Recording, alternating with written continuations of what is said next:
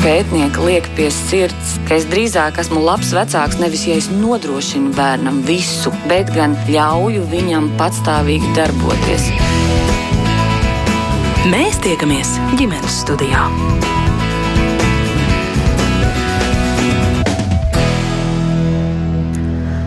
Labdien, redzējums ģimenes studijas sāk savu skanējumu. Jūs sveicināta producenta Liena Vīmba, mans vārds ir Agnes Linka. No šī mācību gada vairs neviens skolēns Latvijā nevar tikt atbrīvots no skolas sporta stundām. Kāpēc un kas šajā ziņā ir mainīts, par to mēs runāsim šodien ģimenes studijas iesākumā, bet redzījuma otrajā daļā turpināsim par sportu, proti par piemērotu un pietiekamu fizisko aktivitāšu devu bērniem pirmsskolās. Un šodien ģimenes studijas ekspertu krēslos mēs sveicinām Babītas vidusskolas sporta skolotāju, kas otro gadu ir programmas mācītspēks eh, pedagogs, arī C kategorijas vieglatlētikas trenere Jolanta Brigmane. Labdien! Labdien! Un Rīgas pašvaldības pirmsskolas izglītības iestādes pūcīta vadītāja Solveiga Vaivada Kļaviņa arī šodien kopā ar mums ģimenes studijā. Labdien! Labdien!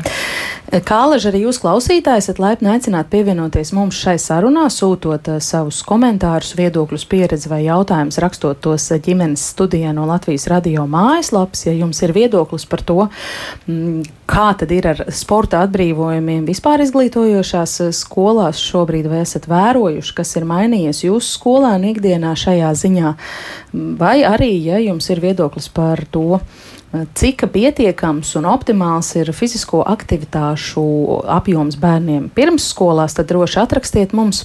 Es sākšu ar piebildi vai skaidrojumu, ka šai sarunā dalību mums bija apsolījis arī Izglītības zinātnes ministrijas sporta departamenta direktors. Taču pēdējā brīdī, protams, šīs ir satraucošas dienas visiem izglītības sistēmā strādājošiem. Protams, nāca uh, citi svarīgi darbi un sapulces. Un tā nu pirms raidījuma ģimenes studijai šīs izmaiņas, kas no šī mācību gada sākuma attiecas uz skolu sporta stundām, skaidrot ierakstā piekrita Inese Bautra.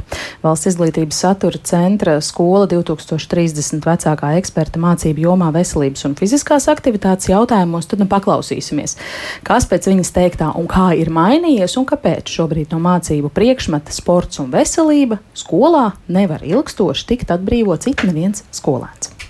Tik tiešām izmaiņas mums ir veiktas, un um, es domāju, ka viņas ir uz to labo pusi.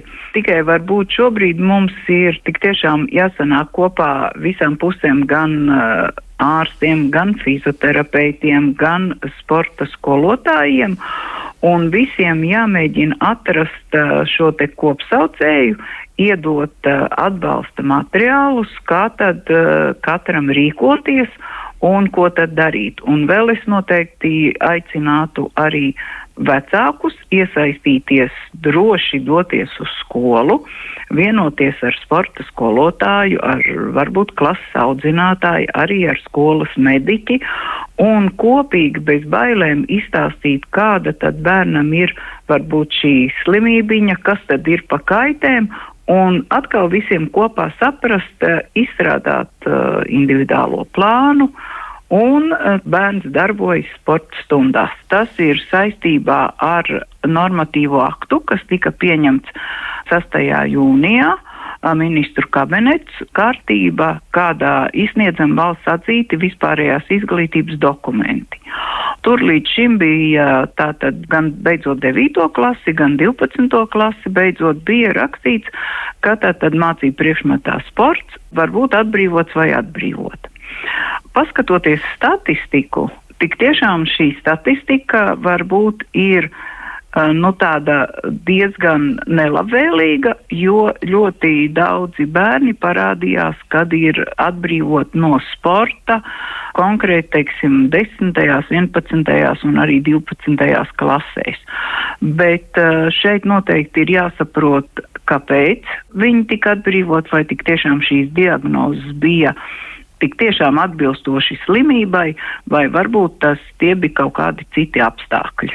Un tagad eh, tas tika mainīts. Kas vispār sporta stundās būtu tagad jādara skolēnam, kas īsāku vai garāku laika sprīdi nevar būt fiziski aktīvs?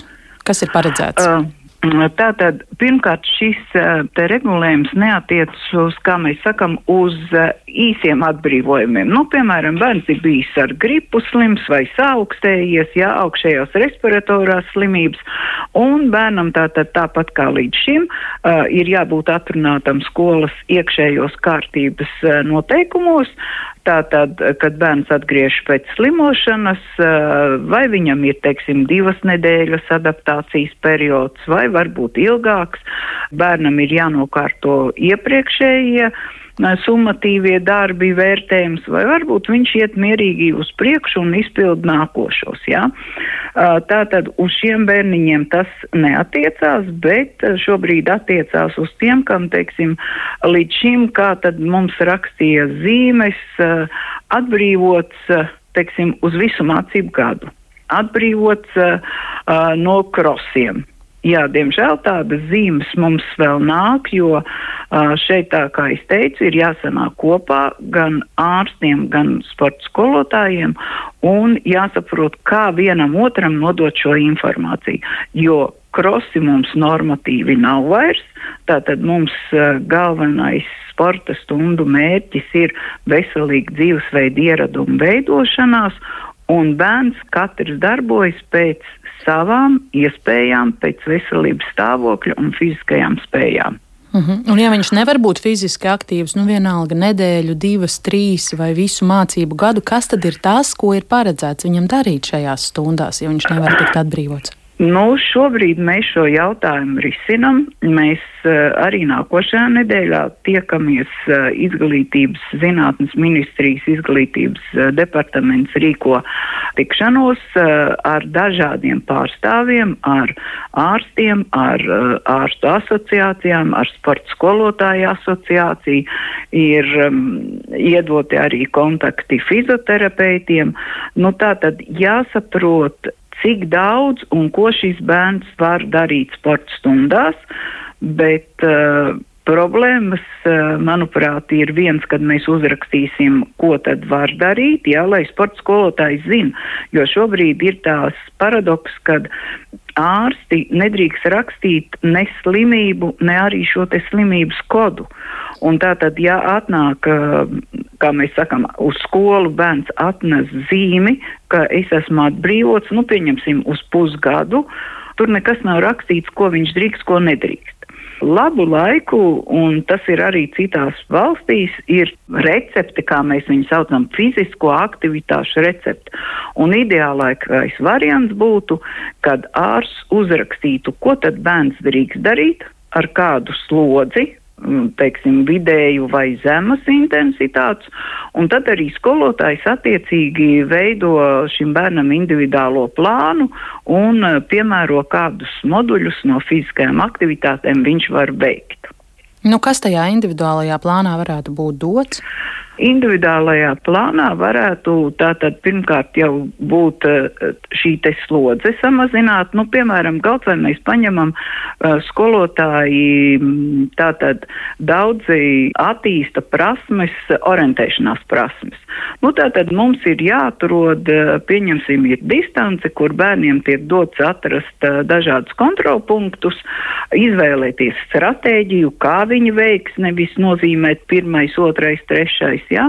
bet šiem te bērniem, kas varbūt viņš ir atbrīvots no izturības, no, no tādas lielas slodzes, viņš varētu šo distancīti veikt e, ejot, samazinot kontrolpunktu skaitu, kas viņam, piemēram, tai laikā ir jāatrod. Un galveno akcentu likt uz to, kādu stratēģiju un kāpēc viņš to ir izvēlējies. Bet, nu, ja tā ir parasta sporta stunda, kas notiek klasiski skolas sporta zālē, kur visi Jā, spēlē un... volejbolu, basketbolu, futbolu, eh, nezinu, florbolu, piemēram, elementi, treniņi. Jā, un šeit ir eh, viena lieta, ko es gribētu teikt, tā ir mūsu materiāla tehniskā bāze, jo ir skolas, kurām ir ļoti labas gan sporta zāles, un zālē ir viena klase, bet uh, būtībā uh, problēma droši vien radīsies tiem skolotājiem vairāk, kur ir divas sporta klases kopā. Uh, tā tad ļoti liels bērnu skaits zālē, un, piemēram, ja bērns uh, ir jāuzmanās no kādiem triecieniem, no, teiksim, no bumbām vai kā, tad loģiski, kad ir jābūt, ka šo moduli bērns neapgūst. Jo, jo tik tiešām tiek apdraudēta viņa veselība un drošība. Un ko tad viņš varētu darīt tajā laikā? Nu, šeit ir atkal mums jāmeklē idejas. Es domāju, ka idejas ir dažādas. Uh, jā, būtu labi, ja viņš varētu būt individuāli, būt skolotāji palīgi, kuri varētu ar šo bērniņu, nu, pieņemsim, strādāt uh, bez problēmām, uztraukties, jā. Uh, nu, šeit mēs kopīgi šobrīd es negribētu teikt vienu variantu, bet mēs kopīgi tik tiešām strādājam, domājam, kā, kā šo variantu nu, padarīt gan drošu un veselīgu bērnam, gan arī sporta skolotājam. Un noteikti dodot atbalsta materiālu, uh, tā mums ideja ir veidot šādu atbalsta materiālu, kur mēs paskatāmies ar mūsu moduļiem, kas ir mācību jomā sasniedzamie rezultāti, un tātad dot konkrētus jau sasniedzamos rezultātus, uz kuriem un arī summatīvās vērtēšanas darbus izstrādāt, kā skolotājiem palīdzēt. Bet šī atbalsta materiāla tapšana vēl ir procesā vēl ir procesā, jā, jo, teiksim, šobrīd mēs domājam, es arī daudz esmu runājis ar sporta skolotājiem, ar ārstiem un apzinām šīs te dažādās situācijas, kādas tad mums skolā šobrīd ir. Un tās uh, situācijas ir tik tiešām ļoti, ļoti dažādas uh, atkarībā kādi bērni ir skolā un cik tādi ir skolas, kur skolas pasaka, ka mums šī problēma nav, ka mums ir tikai divi bērniņi tādi. Ja? Bet ir skolas, kas šobrīd saka, ka uh, ir vairāki tādi un skolotāji nezina, kā strādāt. Kā atbalsta materiāli ir jādod gan ārstiem, gan sporta skolotājiem.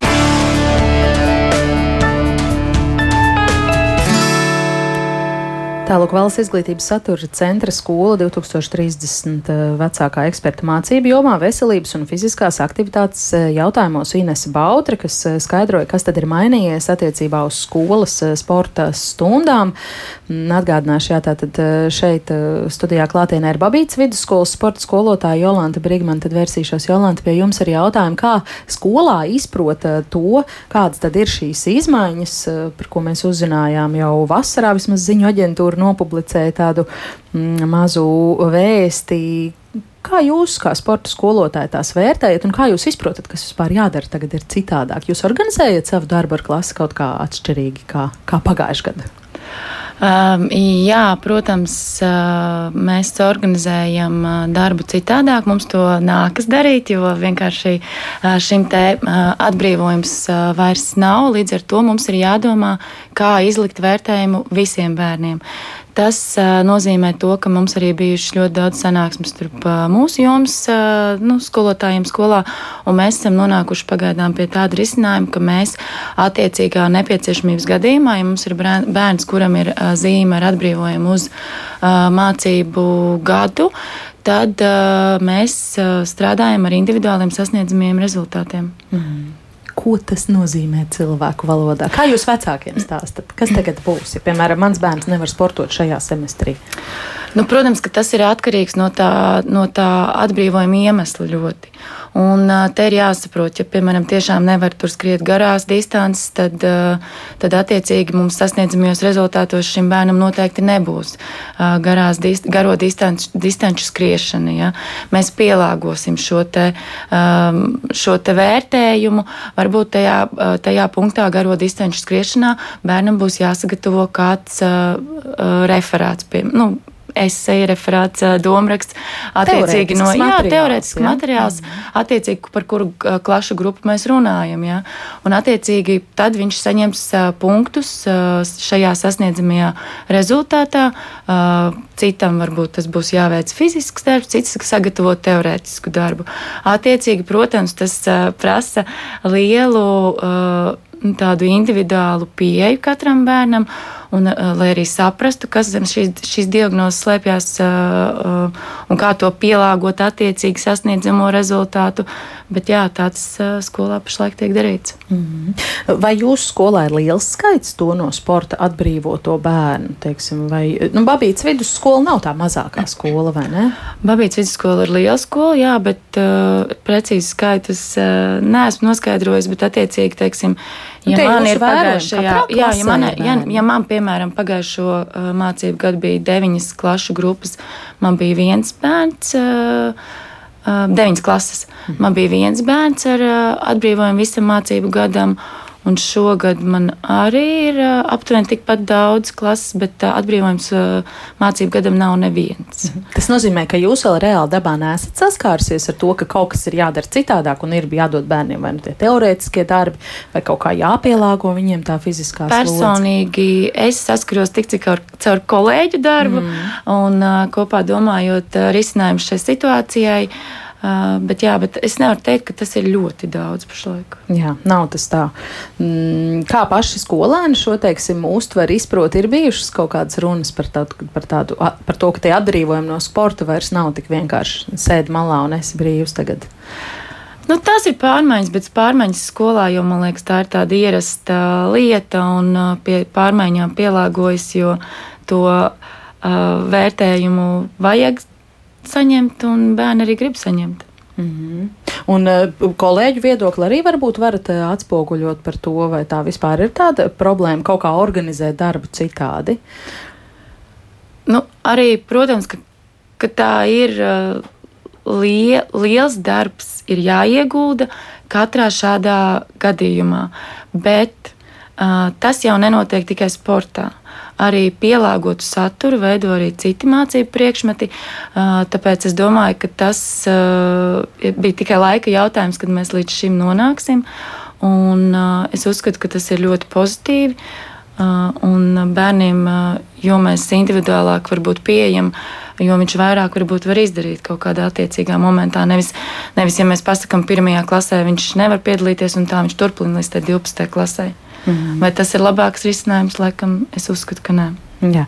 Uh, Valsts izglītības satura centra pārstāvis teiktajā arī ieskanējās, ka nu, metodisko materiālu uh, sagatavošana, kas būtu atbalsts, ja es pareizi saprotu, sporta skolotājiem uh, par to, kā tad uh, nodrošināt uh, jā, tās, to mācību procesu tiem bērniem, kuriem varbūt nav uh, pilna, pilna mēra fiziskās aktivitātes pieļaujams, ka tā, tas, tas viss vēl ir procesā. Teiksim, kā jūs redzat, kam tur būtu jābūt, ko jūs un jūsu kolēģi varbūt sagaidīt no tādiem materiāliem? Materiāliem, kas būtu nepieciešams jums. Jo var jau būt, ka var vienkārši likt visu laiku rakstīt referātus. Nu, kāds tur metodiskais materiāls. Visa klase mācās volejbolu, un tas eh, viens vai divi, cik nu viņi tur ir, tik eh, taisa prezentācijas un referātus par, par sporta veidu teoriju. Vai tas ir sarežģītāk? Uh, sarežģītāk uh, tas noteikti ir, ja mēs pieejam individuāli katram uh, bērnam. Uh, bet tas, protams, arī nes labākus rezultātus uz attiecīgo bērnu nu, mācību sasniegumiem, mācību sniegumu. Es uzskatu, ka vispār šajā gadījumā, ja mēs runājam par metodiskajiem materiāliem, tie var būt ļoti vispārīgi un tās diagnozes ir tik dažādas, un lai sagatavotu to katram individuāli, es šajā jautājumā man liekas, tas, kas ir jādara, tā ir komunikācija starp visām pusēm. Uh, Tad tiešām ir vecāki, kuriem ir jākomunicē ar uh, pedagogiem. Tie tiešām ir ārsti, kuriem ir jāspēj uzrakstīt uh, konkrētas lietas par to, ko varbūt drīkst un nedrīkst. Protams, skolā ir arī atbalsta personāls, kas ir uh, mums ir ļoti labi fizioterapeiti, ar kurus arī mēs vajadzības gadījumā skolā. Jā, jā, kuru mēs vajadzības gadījumā varam arī konsultēties un runāt un domāt. Bet tas ir tāds liels, liels komunikācija starp visām iesaistītajām pusēm. Mm, jā. Sabirus pilna pastakās ļoti ātri ar klausītāju vērtējumiem, tā, jautājumiem. Tātad neesam par, par neprecīzi novērtējuši, vai tiešām aktuāli šis temats vecākiem. Īveti jautā, kā ir tagad, vai nav uz skolu jānes zīme no ģimenes ārsta par to, kādā sporta grupā bērns ir. Kādreiz skolās bija pamata sporta grupa un sagatavošanas grupa. Nē nav nekādas tādas iedalījums vairs. Vismaz, uh, vismaz, protams, katrai skolai varbūt arī ir kādas individuālas prasības uh, attiecīgi, bet uh, nē, tādas mm. nav mums. Tādas Jā. nav. Artūrs raksta, eksistē taču mūža diagnozes, kur vienīgais sports ir šahs. Ko, ko, ko darīt šādā gadījumā? Tad mēs noteikti, tad mēs noteikti strādāsim ar vairāk ar teoretiskiem darbiem. Mm -hmm. Un tas tad būs tas individuālais Jā, plāns šajā mācību priekšmetā, kas ir, man liekas, svarīgi uzsvērt vairs ne tikai sports, bet sports un veselība. Jā. Tur kaut kas slēpjas zem tā veselības vārdiņa vēl. Jā, zem, lai varbūt radītu labāku tādu izpratni. Mums, piemēram, sportā ir attiecīgs sports un veselība, un uh, notiek sporta stundās uh, tāda mod, moduļu sistēmā notiek uh, vērtējumu un, un, un, un rezultātu. Kā, novērtēšana, tie ir teiksim, pārvietošanās modulis, šķēršļu pārvarēšanas modulis, un tā tālāk uz priekšu, kur arī, piemēram, ir drošības jautājumi, veselības jautājumi ļoti daudz. Un līdz ar to, protams, ka tas vairs nav tikai, uh, tikai skriet un lekt, bet uh, mēs uh, daudz runājam arī par veselības tēmām. Mm -hmm. Ilza raksta, ka viņas jaunākajai meitai ir autiskā spektra traucējumi un arī locītavu saišu vājums, bet viņai ļoti patīk sportot, un mēs esam aktīvi, taču sporta stundās mazākajās klasēs viņa saņēma negatīvus vērtējumus, jo pedagogu prāt nedarīja visu tik labi un intensīvi kā klases biedri, un darbošanās ar viņu prasa vairāk laika, bet nu, skolotājiem tā laika nav. Un mums līdz šim bija risinājums risinājums dalība sporta stundās, bet ar atbrīvojumu no vērtējuma. Vai tas tagad ir neiespējami? Kāda risinājuma šeit varētu saredzēt speciālisti? Pēc tik, cik es saprotu šo jauno sistēmu, atbrīvots nav neviens, un vērtējums ir nepieciešams, visiem.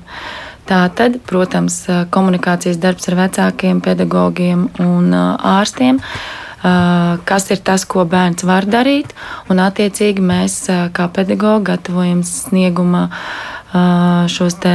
Mm, sasniedzamos rezultātus, pēc kā mēs arī bērnu varam novērtēt. Mm. Nu jā, iespējams, ka varēsiet atbildēt arī valdam, kurš prasa ļoti vienkārši vispirms priekš, kam sportā ir vajadzīgs vērtējums, un vēl vienu vēstuli iesūtīs, kur eh, plašāk skaidro, ka es esmu par aktīviem, kustīgiem jauniešiem, bet vai tiešām sporta atzīmei ir jābūt atkarīgai no tā, cik es varu iemest bumbu grozā, vai cik ātri es kaut ko varu noskriet, vai beidzot nebūtu jāatsakās no normatīviem un atzīmēm sportā, lai gan dzirdu, ka tā būtu jābūt jābūt, bet dzīvē viss notiek tāpat kā 20 gadus atpakaļ. Viņš iesaka sporta stundas organizēt kā aktīvo dienas laiku, vienalga, ko tie jaunieši dara, vai skrien, vai spēlē kādu spēli, vai iet uz svaru zāli. Galvenais, lai viņi ir aktīvi. Lūdzu, aizliedzam sportā likt atzīmes. Jā, nu šis ir tas tāds laikam mūžīgais strīdus jautājums par tām atzīmēm un sportu, bet es tomēr palikšu pie tā, ka vērtējumam ir jābūt un vērtējums motivē darboties. Ja vērtējums nebūs, tad liela daļa no šīm te, aktivitātēm izvairīsies par visā, pavisam. Tā ir viena lieta, un otra lieta, tas, ko mēs piekopjam atzīmju izlikšanā, tie vairs nav šie vecie standarti, un mēs darbojamies pēc jaunajiem standartiem. Tie ir snieguma līmeņa rādītāji, kur mēs bērnu novērtējam tādā sākuma, kad mēs uzsākam kaut kādas, kaut kādas jaunas nodarbes, un attiecīgi liekam vērtējumu, snieguma līmeni novērtējumu tad, kad uh, bērns pabeidz šo modulu apgūt. Un, uh, un tas vairs nav attiecīgi par iemesto bumbu grozā mm. skaitu un noskrieto, mm, cik ātri mēs noskrienam kilometru. Tas sen vairs tā nav. Jā. Tur ir tas progress pašam jā, pret sevi. Pro, progress pašam pret sevi tieši tā tas arī ir. Jā. Jā, nu. Izaugsme. Jā, par to esam daudz, daudz dzirdējuši arī, ka tas būtu vēlams tādu vērtējumu likšana sportā vai, vai, vai mākslā. Dažreiz arī vecāki mums raksta par to. Nu, prieks, ja tas tiešām tā šobrīd notiek. Varbūt visbeidzot kāds vispār tas jūsu novērtējums veselības sportiskā, sportiskajam garam veselības jautājumiem bērnos. Maziem bērniem ļoti patīk sports, grib sportot un, un, un, un ļoti aktīvi piedalās sportā, līdz ar nu, tādiem, var teikt, tīņa gadiem tā vēlme un, un, un, un sportošanas tieksme mazinās. Bet man liekas, ka tas ir jāieliek pašos pamatos. Līdz ar to mēs darām visu, lai tas bērns to sportu iemīlētu jau pirmajos gados. Un es uzskatu, ka jo vairāk sporta, jo vairāk brīvā laika, jo tas tikai nāks par labu. Mm. Attiecīgi, jo mazāk atbrīvotu un vairāk piedalās, jo tas ir tikai liels bonus. Mm. Paldies, Babītas vidusskolas sporta skolotāja Jolanta Priga. Man tāds sprints ar jautājumiem un atbildēm mums izdevās eh, ģimenes studijas eh, ievadā, bet, eh, nu jā, ja mēs par to pašu arī turpinam, tikai pievēršamies pirms skolām, tad stāstīšu par to, ka pirms kāda laika ģimenes studijā mēs saņēmām klausītājus, kas parakstījusies kā pedagoģi ar daudzu gadu pieredzi, vēstuli par sporta aktivitātēm pirmsskolās, un viņa raksta lūk ko. Noklausījos ģimenes studijas raidījumu par basketbolu un kāpēc šo sporta veidu izraudzīties savam bērnam, tomēr runāšu par sporta nodarbībām pirmsskolā. Piekrītu raidījumā teiktajam, ka Latvijas pirmsskolās ir ļoti maza slodze fiziskās attīstības skolotājām. Šobrīd pedagoģijā valda auklīšu ēra, kuras neizprot bērna fizisko sagatavotību. Par šo jautājumu būtu jārunā izglītības ministrijā un departamentā, kā arī jānovērš vecāku sūdzības par to. Pieredzējis pedagogs zinās, kā pareizi darboties ar bērnu ir sajūta, ka labāk nedarīt nekā darīt un nepelnīti saņemt vecāku aizrādījumus. Tāpēc ir izveidojies piesardzības faktors. Bērni neskrien, nelec un tā tālāk. Ja kāds nokritīs, vainīgs taču būs pedagogs. Kāda šeit var būt fiziskā attīstība?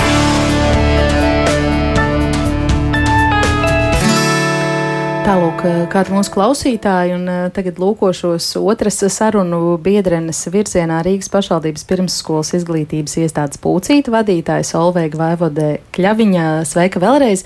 Kam no dzirdētā varat vai nevarat piekrist?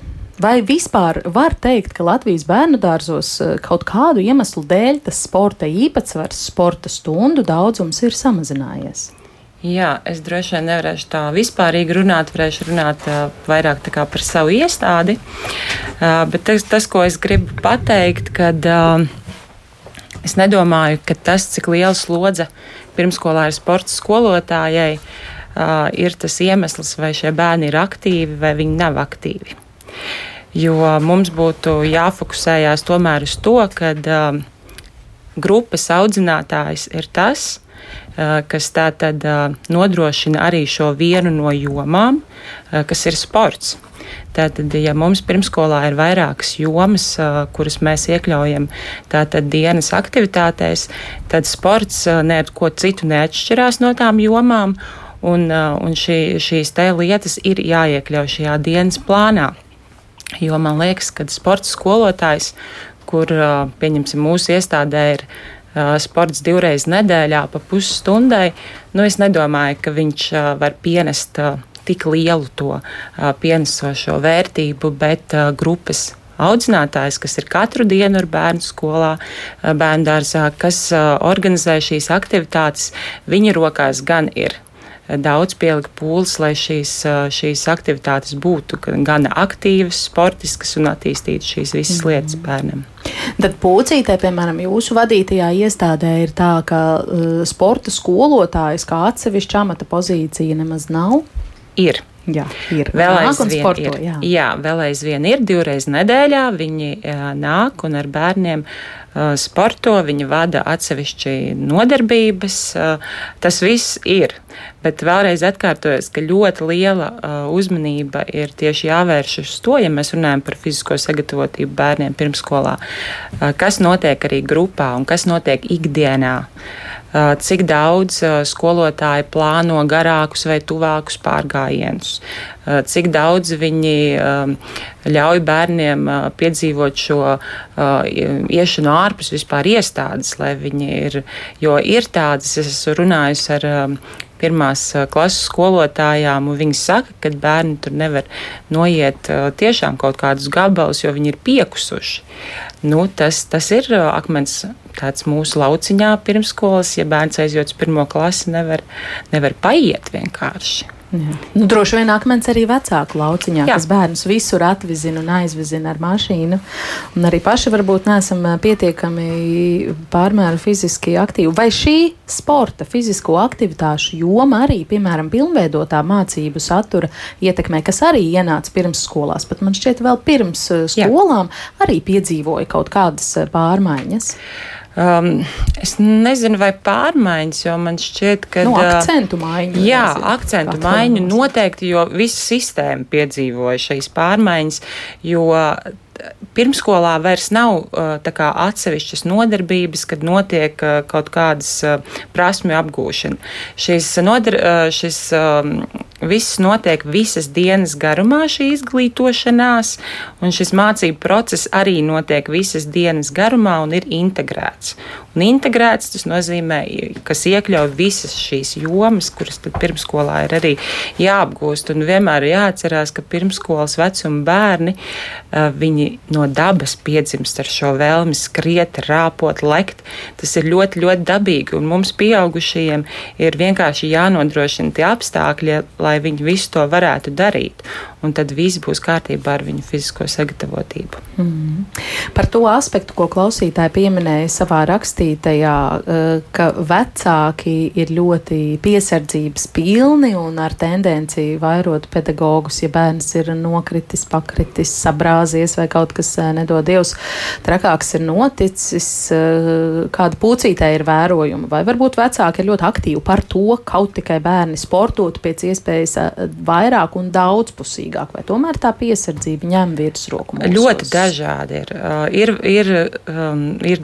Es te gribētu teikt, tā, lielākā daļa tomēr ir par to, lai šī darbošanās būtu aktīva, lai bērni uh, aktīvi tad, uh, arī attīstītos, bet ir kāds mazs procents, kas ir tādi piesardzīgie vecāki.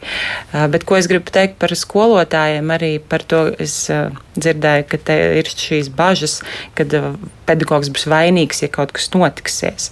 Tad droši vien tā ir arī komunikācija iestādes vadībai ar pedagogiem kā iestādes vadība atbalsta šajās situācijās pedagogus, kā viņi kā runā par šīm lietām.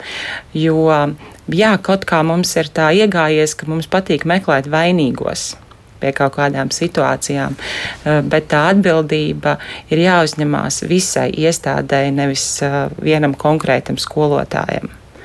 Nu, kaut kā tā. Jā.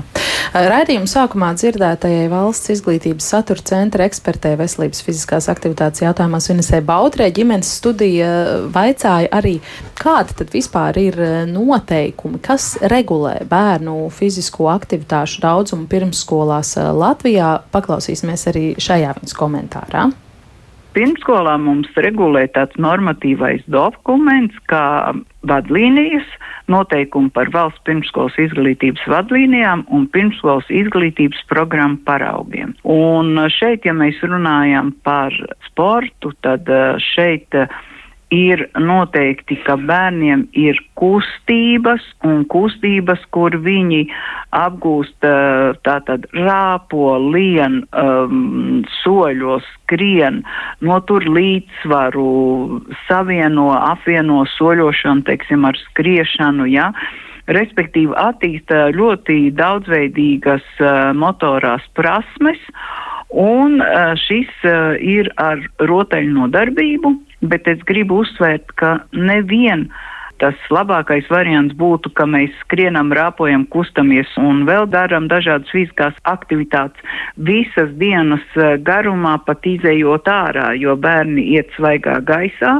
Tātad viņiem ir šīs mācībām pārtraukums un noteikti šeit būtu ļoti labi, ja pirmskolas izglītības iestādēji Zinu, ka tādi, tādas ir pietiekami daudz, ir ļoti labi iekārtoti, ja mēs tā varam teikt, rotaļu laukumi, kur bērnam ir iespēja gan kāpt, gan pārvietoties pa baļķi, gan arī uzspēlēt to pašu basketbolu mazie groziņi, varbūt arī futbolu mazie vārtiņi. Tātad daudzveidīgs funkcionālais laukums, kur bērni darbojas vēl papildus ar šīm te kustībām. Nu, ir labi, ja tāds ir, bet dažviet varbūt arī tāda nav. Vai šajos noteikumos ir noteikts, cik daudz, cik garām rotaļu nodarbībām tieši saistītām ar sportu jābūt, kā tām jānotiek? Tas ir saistīts atkarībā no bērna vecuma. Tātad, uh, uh, ja mums bērns būs jaunāks, tātad viņam šīs te noteikti rotaļu nodarbības un sporta nodarbības ir īsākas, varbūt desmit minūtes, bet, teiksim, normāli būtu, ka tās ir kādas 30 minūtes, kur bērni kopīgi nodarbojas sporta nodarbībās. Būtu vēlams katru dienu, bet uh, mēs zinām, ka varbūt ne visiem ir iespēja, bet es gribētu teikt tā, ka pirmskolas iestādēs ir uh, tik tiešām labi un meklē iespējas, plus vēl nāk papildus arī deju nodarbības, kustību dažādas nodarbības, tā kā, nu, es domāju, kad šīs te kustības uh, lielākā vairumā tomēr bērniem ir pietiekoši. Mēs vienmēr varam vēlēties vairāk un labāk, tas ir saprotams, jā, bet uh, pirmskolas izglītības iestādē ir jāsabalansē viss šis arī mācību process.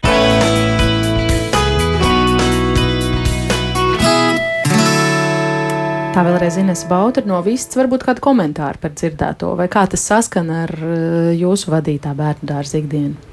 Jā, nu, protams, kad uh, ir, ir lietas, kas tā arī, tā arī notiek, kā, kā, kā minēja, un tas, tie akcenti arī šeit tika dzirdēti par to, ka šīm aktivitātēm jānotiek visas dienas, visas dienas garumā.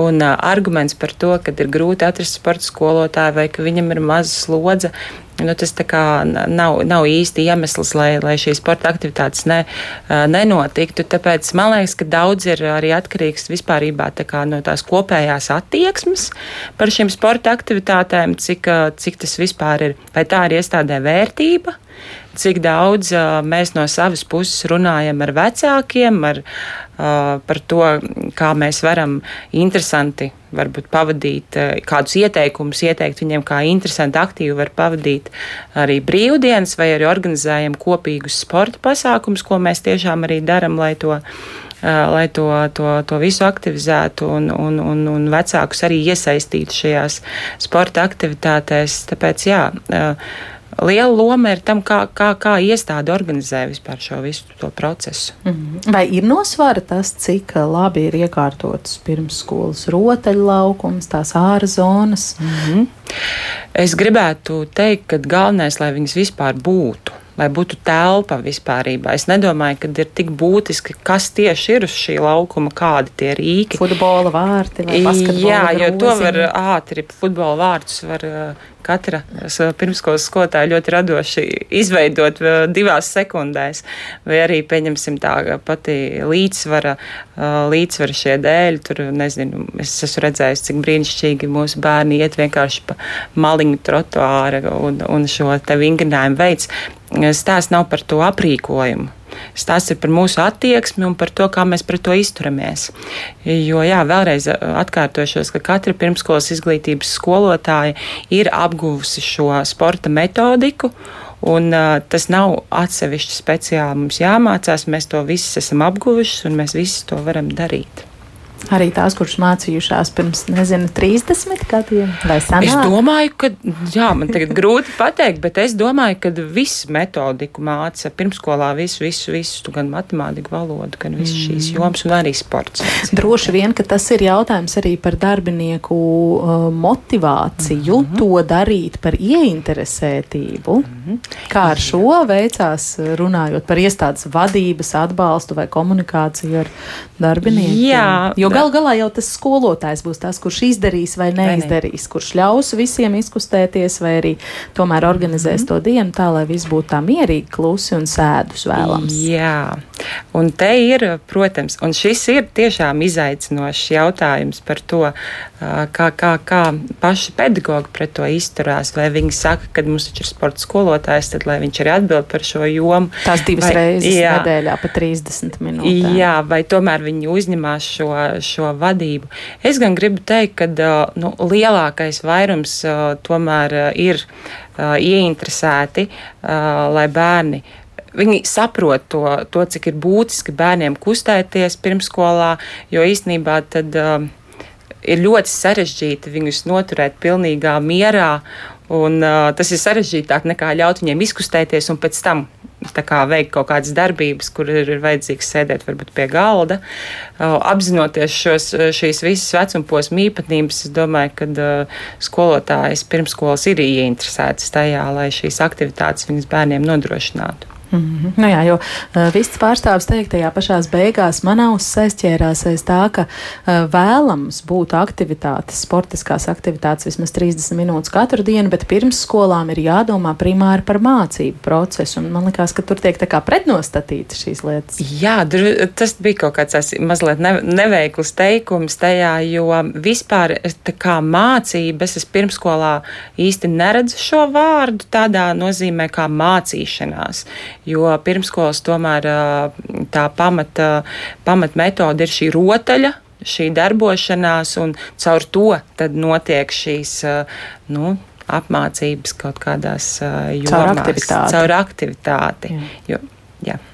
Kāds klausītājs mums raksta, jā, nu viņš uzskata, ka uh, pašvaldības pirmsskolas iestādēs bērna fiziskās aktivitātes ir nepietiekams. Ja bērniem ir jāvingro katru dienu, tad uh, Rīgas uh, bērnu dārzs nosaka sporta nodarbības divas reizes nedēļā pa 20 minūtēm, un tas nemaz nav pietiekami. Vai vecāki var kaut kā pieprasīt dārziņam noteikt sporta aktivitātes vairāk un biežāk? Mm.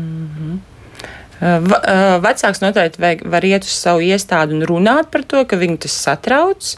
Un kad, kā, kā tas tiek nu, risināts. Jo iespējams, ka, ja nav šī komunikācija, un vecāks domā, ka tiešām divreiz nedēļā ir tikai šis sports, un tas ir arī viss, kas pirmskolā notiek attiecībā uz šo jomu, tad tas, protams, ir satraucoši un par maz. Bet, ja viņš zinātu, ko vēl grupas audzinātāji dara šajā jautājumā, tad varbūt viņam sirds paliktu mierīgāka komunikācija svarīgi ļoti, ļoti runāties savā starpā. Mm.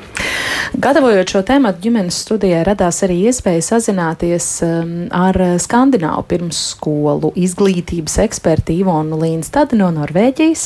Un, uh, viņa piekrita ar mums padalīties, pastāstīt uh, savu redzējumu par tādu optimālu fizisko aktivitāšu daudzumu bērnu dārzos. Viņai ir pieredze ar bērnu dārziem daudziem, jo daudziem Norvēģijā un uh, arī citvietā pasaulē. Paklausīsimies uh, viņas teiktajā. In Norway, we say that a child between one and five year old should have Mēs Norvēģijā uzskatām, ka vienu līdz piecus gadus vecam bērnam ir vajadzīgas 180 minūtes fizisku aktivitāšu dienā, un tām ir jābūt sadalītām visas dienas garumā. Tas ir mūsu veselības vadlīnijās. No pētījumiem zināms, ka kustības ir svarīgas, lai bērns vispār spētu mācīties, koncentrēties. Tās ir ļoti svarīgas bērna fiziskajai un emocionālajai veselībai. Visa diena ir jāiekārto tā, lai bērnam būtu ne tikai viena sporta stunda un viss, bet aktivitātes tiktu izkliedētas visas dienas gaitā. Pētījumi arī apliecina, ja pirms mācībām būs 20 minūšu aktīva izkustēšanās, smadzenes ir daudz gatavākas mācīties. Smadzenēs tiek iedarbināti sensorie centri, kas ļauj kaut ko apgūt. Tāpēc ir jāpalūkojas uz pirmsskolas dienu visā tās garumā un jāsaliek dažādas aktivitātes, lai bērni varētu izkustināt savu ķermeni ne tikai vienu stundu dienas vidū. Kaut ko no rīta, kaut ko pusdienas laikā, kaut ko pēcpusdienā. Mēs arī zinām, ka bērni mācās ļoti dažādi. Pieaugušie, kas strādā pirmskolās, ir atbildīgi, lai visi bērni mācītos. Tāpēc dienas plānā ir vajadzīgs gan klusais, gan aktīvais laiks, lai apmierinātu visdažādāko bērnu vajadzības. Visiem, kas strādā ar bērniem, ir jābūt šīm pamatzināšanām par bērnu attīstību. Jāzina, ka bērni vislabāk var kaut ko iemācīties, liekot lietā visu savu ķermeni. when they use the whole body. And I also think they need to plan So Ir jāplāno darbs tā, lai bērniem būtu fiziskas aktivitātes visu dienu. Klusi un mierīgi sēdēt un klausīties, tas nav labākais veids, kā bērniem mācīties. Skolotājiem jāskatās, hm, man ir matemātikas temats, ko es varu darīt, lai nesēdētu pie galda. Varbūt var to darīt ārā, jo fiziskajām aktivitātēm bērnu dārzā jānotiek gan iekšā, gan ārā. Nav jābūt sporta skolotājam ar īpašu izglītību tieši sportā. Ir vienkārši jāzina, cik svarīgas bērnu ikdienā ir kustības. Tāpat mēs zinām, ka bērni labāk mācās vidē, kur viņi jūtas droši, ir drošās attiecībās. Ja sporta skolotājs ir no malas un ierodas grupā uz vienu sporta stundu, viņš bērns nav iepazinis. Labāk, lai visi pirmsskolas skolotāji pievērš pietiekami daudz uzmanības fiziskajai fiziskajām aktivitātēm, jo viņiem jau ir nodibināts attiecības ar viņu audzināmajiem bērniem. Protams, piecgadniekam var būt interesanti, ka kāds no malas nāk ar jaunām, jautrām sporta nodarbēm, tāpēc nav viena pareizā vai nepareizā veida, kā to organizēt.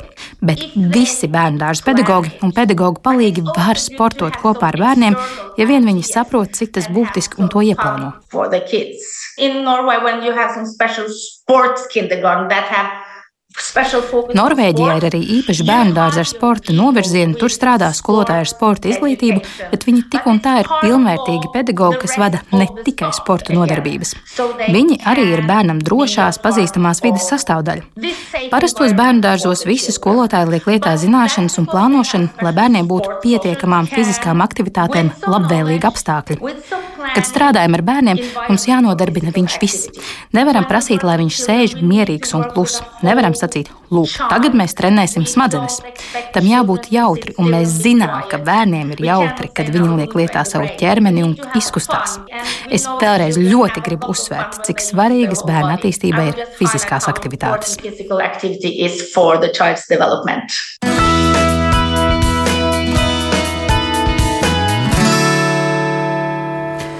Tālāk pirmsskolu izglītības eksperte Ivona Līnstad no Norvēģijas. Um, nu jā, varbūt kā šāds redzējums sakrīt vai kontrastē ar uh, to, kā mēs skatāmies uz fiziskajām aktivitātēm Latvijas pirmsskolu ikdienā.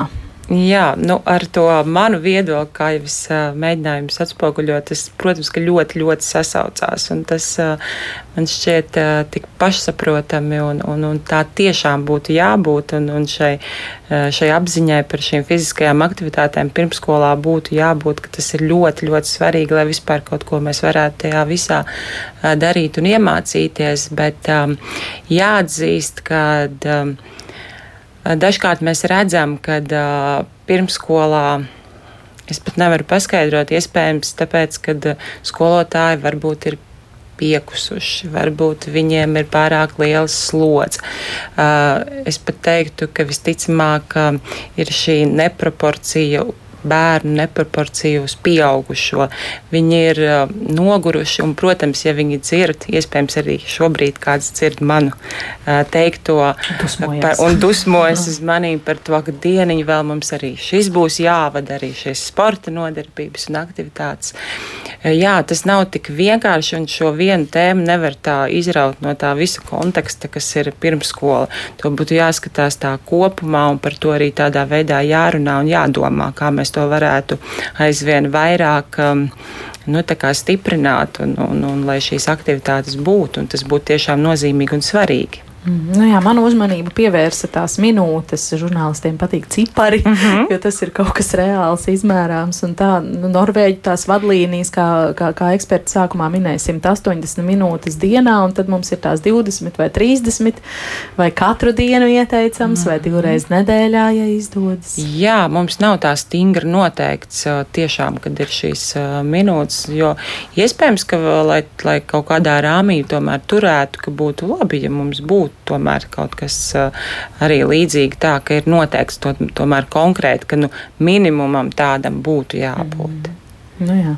Mm -hmm. Un kāds klausītājs parakstījies kā seniors, mums raksta, ka viņš redz un vēro bērnu dārza grupiņas, kuras pa ielu vada audzinātājas, kas pašas iet pavisam lēnā tempā, un dažkārt arī šiem pedagogiem ir liekais svars un iespējams iešana raitākā solī sagādā grūtības. Vajadzētu vispirms sportiskās aktivitātes prasīt no pašiem pedagogiem. Nu, tas droši vien ir stāsts vienkārši par mums kā par sabiedrības veselību.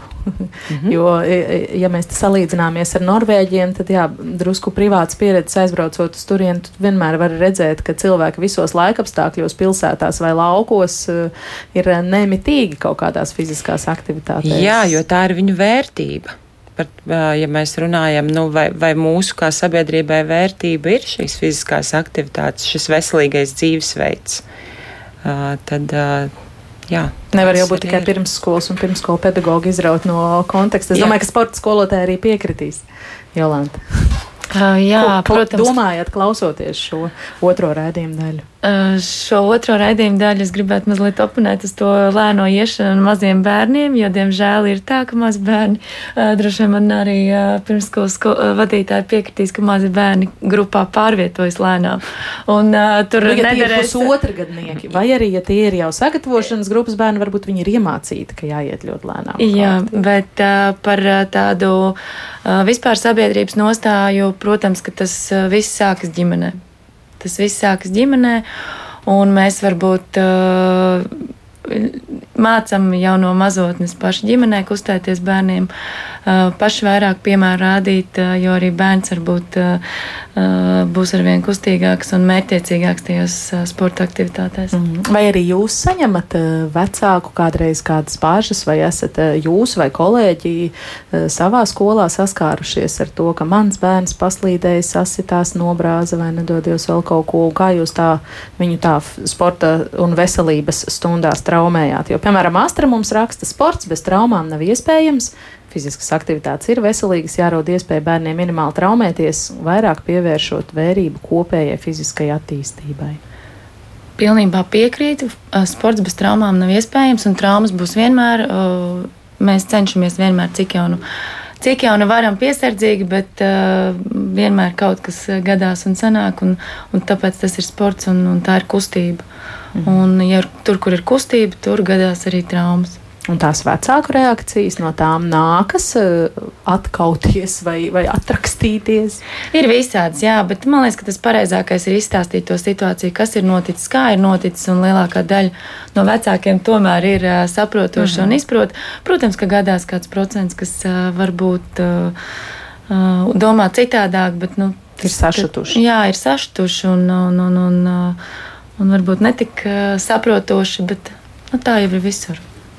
Mm. Skolotājiem ar to jāsadzīvo. Mm. Paldies par sarunu ģimenes studijā. Šodien teikšu Rīgas pašvaldības pirmsskolas izglītības iestādes pūcīta vadītājai Solveigai Vaivudai Kļaviņai un arī Babītas vidusskolas sporta skolotājai Jolantai Brigmanai. Paldies arī visiem, kas rakstīja. Gana daudz mūsu pasta kastē vēl jautājumu sabiruši, kas attiecas uz sportu vispār un fiziskām aktivitātēm vispār un arī tieši sporta un veselības stundām skolās. Tā kā kādreiz šo sarunu noteikti noteikti turpināsim.